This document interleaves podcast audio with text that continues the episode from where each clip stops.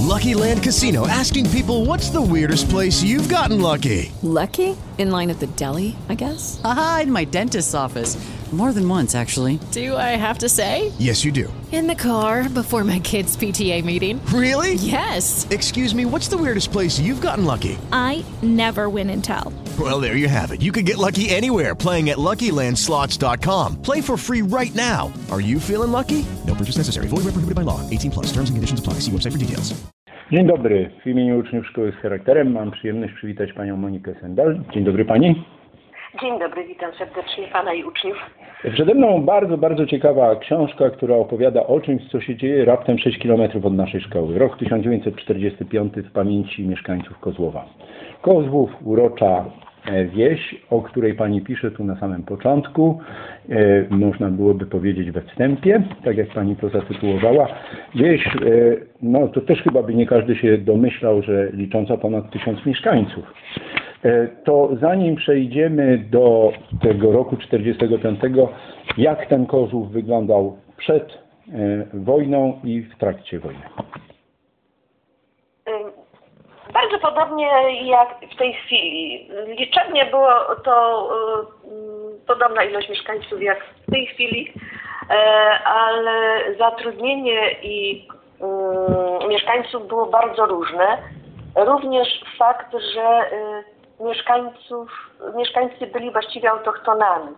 W tej chwili bardzo dużo jest przybyszy z zewnątrz, z Gliwic, y, czasem nawet z innych regionów Polski. Natomiast w okresie międzywojennym y, była to głównie ludność śląska, y, z tym, że ponieważ Kozłów też optował za Polską bardzo mocno, byli tutaj też przybysze z Chorzowa lub y, Rudy Śląskiej. I mm, większość pracowała właśnie albo w kopalniach gliwickich, albo y, w, w hutach. Również w samym Kozłowie znajdowało sporo osób zatrudnienie w hucie metali kolorowych w obecnym miejscu, które nazywa się pod Platanem. E, No i sporo było oczywiście także gospodarzy, czyli rolników. Były tutaj dosyć duże e, gospodarstwa, e, takie. e, No i, a i oczywiście był folwark majątku, zwany majątkiem folwark książąt Raciborskich. Kiedy czytałem ten, e, te pierwsze strony Pani książki, to właśnie nigdy nie miałem pojęcia, powiem szczerze, że e, tam, gdzie dzisiaj znajduje się to miejsce pod Platanem, kiedyś był zakład e, hutniczy i że produkowano tam łuski na Tak. potrzeby wojska.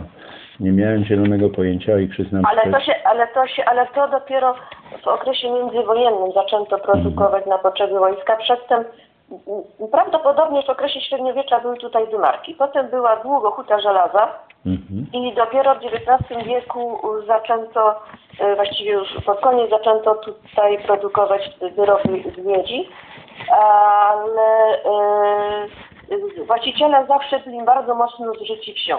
Trzeba to przyznać.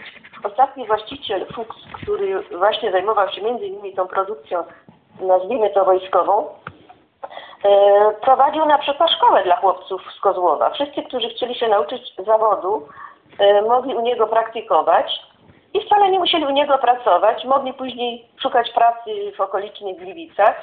Natomiast e, było to dla chłopców niezwykle przydatne, e, trzeba przyznać. No i to, że mm, e, byli też taką swoistą atrakcją wsi, na przykład nie poszli daleko w nowoczesność. Bardzo długo jeździli samochodem jeszcze w okresie wojny na parę. To były pierwsze takie samochody w ogóle na świecie, a w Kozłowie on się ostał aż do wojny. To była taka ciekawostka bardzo intrygująca mieszkańców i zawsze to była wielka sensacja, jak ten samochód przez wieś ruszał. No Pani książka jest pełna różnych ciekawostek, nie zawsze takich, mm, e, że tak powiem, radosnych, jak ta z samochodem na parę, Tak. raczej Tak. e, bardzo smutnych. E, No i tak jak tytuł Pani książki mm, wskazuje, mamy rok 45, mm, ofensywa styczniowa i tak jak Pani pisze, no tutaj na Śląsku zaskoczenie, bo e, wojska Armii Czerwonej nie wkraczają na Górny Śląsk od wschodu, tylko od południa. No i jak ten e, styczeń 45 roku wygląda w Kozłowie?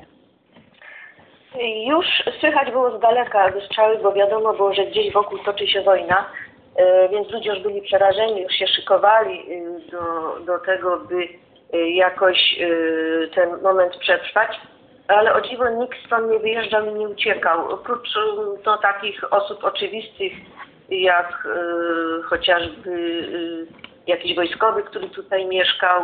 E, Natomiast e, e, no, no i rodzina Fuksów, która, e, których e, e, ojciec, ojca pod koniec wojny powołano do, do wojska, więc oni też stąd wyjechali. Natomiast nikt nie spodziewał się aż tak dramatycznych wydarzeń, dlatego że Wydawało się, że wojsko przejdzie i pójdzie dalej, prawda? A tymczasem zatrzymali tutaj się na dłużej i to, co tutaj się wydarzyło, było tragicznym wydarzeniem y, dla wszystkich mieszkańców, bo wszystkich dotknęło. Nie było chyba domu, w którym by coś złego się nie wydarzyło. Dlatego jest to tak dramatyczne.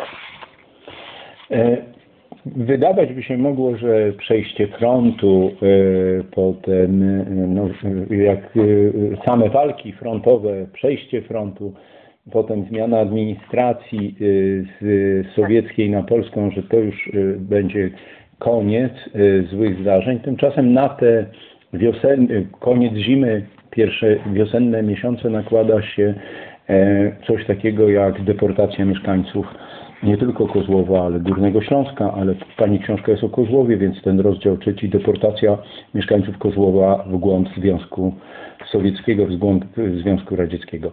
Kiedy ten proces deportacji się zaczyna i jaką część e, populacji Kozłowa obejmuje? Y, Zaczyna, zaczyna to się w lutym, kiedy przychodzą pierwsze ogłoszenia, nie wiem już od 12 lutego, chociaż tutaj mieszkańcy mówią, że koło 14 tak naprawdę. Y, I każą zgłosić się wszystkim mężczyznom wieku od 70 do 50 roku życia y, w koszarach tutaj na Andersa obecnych. I ze strachu i z takiego obowiązku wszyscy czynią jak trzeba. Ruszają również mieszkańcy czy mężczyźni z okolicznych wsi Złan na przykład i zbierają się za wsią. Kiedyś było boisko między Gliwicami a Kozłowem tutaj y, przy Kozłowie. Y, y, I na tym boisku wszyscy się zbierają razem z rodzinami, bo rodziny je żegnają i potem ruszają do Gliwic. Jeszcze póki są w koszarach, to często rodziny je odwiedzają, przynoszą coś do jedzenia czy ubrania, ale powoli zaczynają się wywózki i zaczynają ich wywozić. O dziwo, kiedy ja zaczęłam mm, badać to y, zjawisko, dlatego że mój dziadek y, y, zmarł też w obozie sowieckim, y, to mało ludzi chętnie o tym mówiło. U mnie w domu zawsze babcia o tym opowiadała, znałam w szczegółach. Mój wujek, który z kolei był internowany jako żołnierz, też dużo opowiadał o łagrach. Y, Jako dziecko przyjmowałam no to opowieści jak opowieści. Tragiczne, dramatyczne. Y, Chętnie zresztą ich słuchałam i zapamiętywałam. Dopiero wszystko mi się wyjaśniło, kiedy przeczytałam po raz pierwszy Archipela Gułak Sołżenicyna i później Inny Świat Grudzińskiego, kiedy z innych relacji zobaczyłam, jak wyglądało to życie w obozie. I od tego momentu jakoś zaczęłam bardziej się tym interesować i mocniej w to e, wchodzić. I właśnie zaczęłam od spisywania relacji mojej rodziny, e, sąsiadów. A potem, kiedy założyłam stronę internetową Kozłowie, bo jest takowa, to e, e, te historie ludzi, zdjęć zaczęły do mnie jakoś bardziej przemawiać. Zaczęło mnie to niezwykle intrygować. No i jeszcze spotkanie z panem Węgrzynem, bo pięć lat temu poszłam w Sośnicowicach na takie spotkanie zupełnie przypadkiem. E, I e, tak mnie to zainspirowało i opowieść pana Węgrzyna i historie, które przywoływał i wzmianki o listach, które posiada, że zaczęłam głębiej w to wchodzić, zaczęłam te listy ustalać. Oczywiście była to, był to proces bardzo długi, dlatego że e, nazwiska były często zniekształcone, pomieszane z miejscowości, na przykład Łami i Kozłów lub nawet z innych miejscowości. E, Czasem nawet nazwiska kobiece okazywały się męskimi, więc różne historie były z tymi listami, trochę to trwało, ale przede wszystkim rozmowy z rodzinami, z sąsiadami y, tych wywiezionych y, pozwoliły mi dość precyzyjnie te listy ustalić. No i wtedy jak zrobiłam te listy stwierdziłam, że to jest za mało, żeby tak sucho tylko o tym opowiedzieć.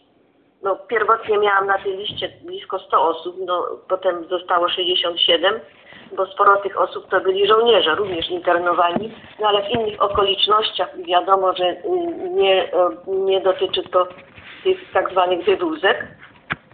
No i wtedy, kiedy ta lista była gotowa, to nagle zauważyłam, że przecież ja nie mogę tej historii tak sucho mówić, tylko ja Halo? Oj, coś nas rozłączyło. Halo? E, Coś nam urwało rozmowę i urwała się Bo ona ja słyszałam pana, ja słyszałam pana bardzo dobrze. Tak, ale urwało się w tym momencie, kiedy y, nie może Pani zostawić takiej suchej listy. Tak, tak, tak. Bo y, nagle zobaczyłam, że przecież na tych listach są konkretni ludzie. Nawet tacy, którzy, których jeszcze znam, którzy przeżyli i których ja pamiętam dzieciństwa i młodości.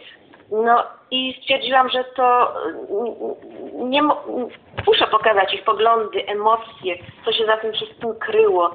Y, że to byli naprawdę żywi, prawdziwi ludzie, często bardzo skromni, bardzo zwyczajni, którzy w żaden sposób nie zasłużyli na tak straszną śmierć, jaka ich spotkała.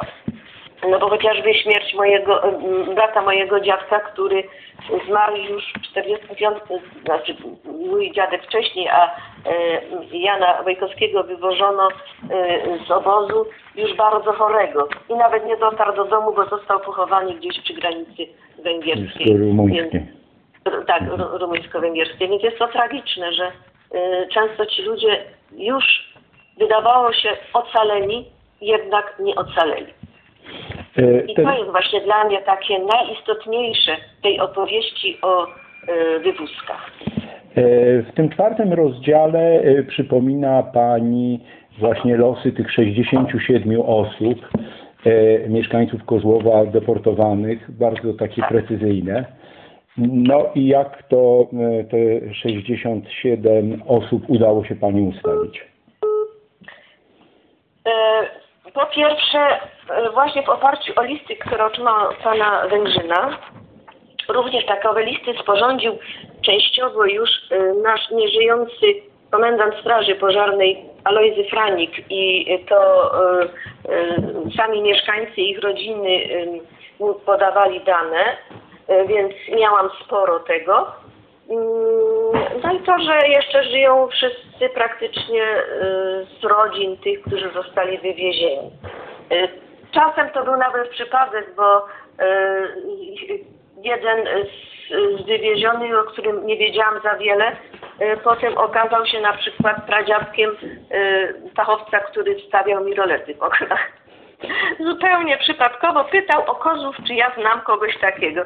No i dzięki temu, mm, mm, ale oczywiście on już nic o ojcu nie wiedział, to był mm, pan, pan Herman tutaj na tej liście, już nic o, przepraszam, o, o dziadku czy pradziadku nie wiedział, ale, ale jednak potwierdził, że y, był w internowaniu, więc byłam pewna, ponieważ to nie był y, już później mieszkaniec Kozłowa, więc y, jego rodzina wyjechała, więc nie mogłam nic na ten temat więcej powiedzieć.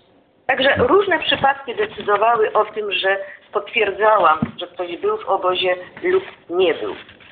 Ja myślę, że teraz, kiedy ta książka się ukazała, to nieco jeszcze mieszkańcy mi do, dodadzą, dlatego że teraz bardzo się widzę zapalili tymi opowieściami i sami podsuwają mi zdjęcia i inne opowieści, yy, bo jeszcze jest o czym pisać i jest yy, jeszcze yy, co pokazywać, jeśli chodzi o zdjęcia. No to na pewno to książka, e, nasi e, słuchacze tego nie widzą, ale jak zakupią książkę, a mam nadzieję, że to zrobią, to zobaczą, że jest bardzo bogato ilustrowana, właśnie dokumentowana fotografiami, które przybliżają jak ten Kozłów, jak e, poszczególne gospodarstwa, jak ci mieszkańcy Kozłowa wyglądali, jak się ten Kozłów zmienił od tamtego czasu. Ale kolejny rozdział to e, też opowieść o e, mieszkańcach e, Kozłowa, którzy urodzili się w Kozłowie, ale Tak. właśnie e, z Kozłowem rodzinnie byli związani, ale potem los e, przerzucił ich w inne miejsca. I tutaj e, podaje Pani kilka nazwisk. E, Czy tu trudno było ustalić te osoby, które pochodziły z Kozłowa, a ich e, Nie, nie, życie? tutaj akurat jeśli chodzi o ten rozdział, to pomógł mi właśnie pan Węgrzyn, ponieważ, ale też wiedziałam, na przykład pan Fulczyk y, Rufin, zresztą były powstaniec śląski, y, który, którego rodzina jeszcze żyje w Kozłowie, y, wiedziałam o nim. Y, również, no sporo z tych nazwisk tak, bo wiedziałam, że wyjechali, że ożenili się w innych miejscach lub po plebiscycie, ponieważ niektórzy y, opuścili Kozłów po plebiscycie, bo też tak było. Y, Dlatego znałam te nazwiska i wiedziałam o nich. Y, Ale jeszcze mi tam parę nazwisk dorzucono, więc zrobiła się z tego dosyć spora. Przypuszczam, że jeszcze być może ktoś by się znalazł, ale to jest na razie tyle, co udało mi się ustalić. To i tak bardzo wiele. E, Tutaj e, zresztą we wstępie Pani podaje, że w okresie właśnie plebiscytu właściwie ten Kozłów był podzielony tak pół na pół, prawda?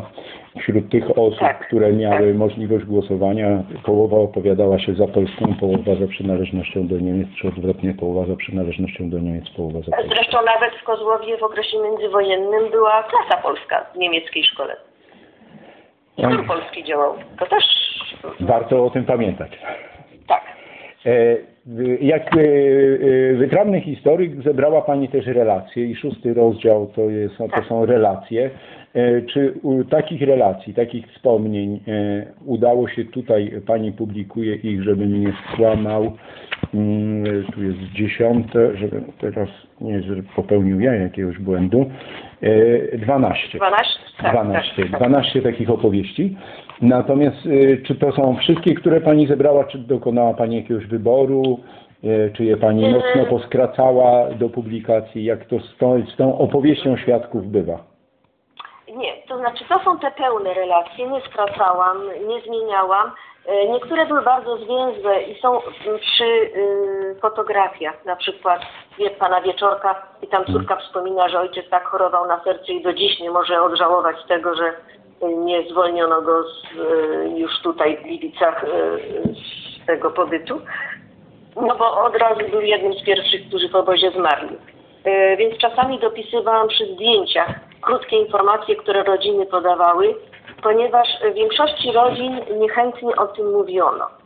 E, Były e, rodziny, w których nikt do, na ten temat nie wiedział, nic kompletnie i nawet ode mnie dowiadywali się więcej i zdziwieni byli, skąd ja to wiem. No Ja to z kolei znam z relacji mojej babci, mojej rodziny, sąsiadów, więc wiedziałam o tych rodzinach sporo i mogłam coś tam dodać. No i potem okazało się, że jak im mówiłam, to się znajdowały dokumenty na przykład jakieś yy, powrotu czy, czy inne, więc to też yy, było bardzo ciekawe pod tym względem. Także myślę, że to jest chyba to, co mogłam w tym momencie osiągnąć wszystko.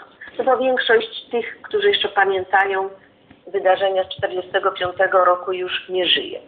No, moja mama sporo, ale to też głównie z opowieści, bo ona w 1945 roku akurat przed frontem ucieka i trafiła do Czech, potem do Bawarii, więc tutaj jej też nie było. Ale moja babcia bardzo dużo opowiadała. O dziwo niechętnie opowiadała, jeżeli ktoś pytał z zewnątrz. Nigdy nie mówiła na ten temat. Ale w rodzinie zawsze tak. No to tak z historią rodzinną bywa, że mm, ona czasami na długi czas pozostaje rodzinną tajemnicą. Tak, tak. Natomiast e, nam się w tym roku szkolnym, kiedy jeszcze mm, dzieci chodziły do szkoły, w ramach zajęć wychowania fizycznego udało zrobić taką wyprawę, że z Kozłowa wracaliśmy pieszo do naszej szkoły. I e, przypomniało mi się, ta nasza podróż przypomniała mi się, kiedy czytałem Pani książkę i rozdział siódmy. E, No. Tak, historia Pana Piechuli. Tak, E, tak. To jest y, jakby zwieńczenie, skąd ta historia i jak, y, y, Tak. skąd ta opowieść. No, to nie wiem, po prostu zaintrygowała mnie jego historia, dlatego że były powstaniec, który ucieka przed wcieleniem do armii, do armii niemieckiej, w końcu do tej armii trafia i na dodatek trafia do obozu. Y, y, I to jest jak gdyby zwieńczenie całej historii Ślązaków, którzy obojętne po której stronie by się nie opowiedzieli i tak dostają y, no za przeproszeniem w łeb i coś złego się dzieje. W związku z tym ta historia była dla mnie takim podsumowaniem jak gdyby historii bardzo różnych i tych, którzy zupełnie niewinnie trafiali do obozów albo zupełnie niewinnie spotykały jakieś straszliwe przejścia, jak i tych, którzy na przykład na ochotnika zgłaszali się do y, Wehrmachtu. Y, Więc różne były oczywiście historie tutaj, nie możemy tego ukrywać, ale właśnie ta historia pokazuje, jak dramatyczne to często były wybory, jak dramatyczne to były często losy i jak y, y, dramatycznie przebiegały, więc warto o tym pamiętać, bo y, to jest tutaj niezwykłe, dlatego ja nawet y, często podkreślam, że historia Kozłowa to jak gdyby taka historia Śląska w pigułce. Wszystko tutaj, co dotykało Śląska, możemy spotkać w Kozłowie. Dlatego zapraszam. Chętnie oprowadzę, opowiem na przykładzie kościoła chociażby, historii kościoła, e, historię Śląska.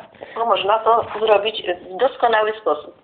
Ja myślę, Pokazać od średniowiecza aż do współczesności. Ja myślę, że to jest e, idealny temat na naszą kolejną rozmowę. My oczywiście do Kozłowa parokrotnie nawet żeśmy dojechali na rowerze, byliśmy także pieszo, jak mówiłem, czy wracaliśmy pieszo, dojechaliśmy autobusem, ale no Kozłów jest bardzo urokliwy i na pewno tam, jak się ten czas pandemiczny skończy, to się umówimy na rzeczywistą, e, realną Tak, e, tak. podróż po Kozłowie i okolicach, natomiast e, chętnie skorzystamy z takiej podróży trochę wirtualnej, trochę właśnie radiowej, kiedy byśmy porozmawiali o historii Kozłowa, biorąc też pod uwagę, że tutaj przy tej e, miejscowości, która tak została naznaczona w 1945 roku, parę wieków wcześniej była naznaczona w okresie wojny 30-letniej.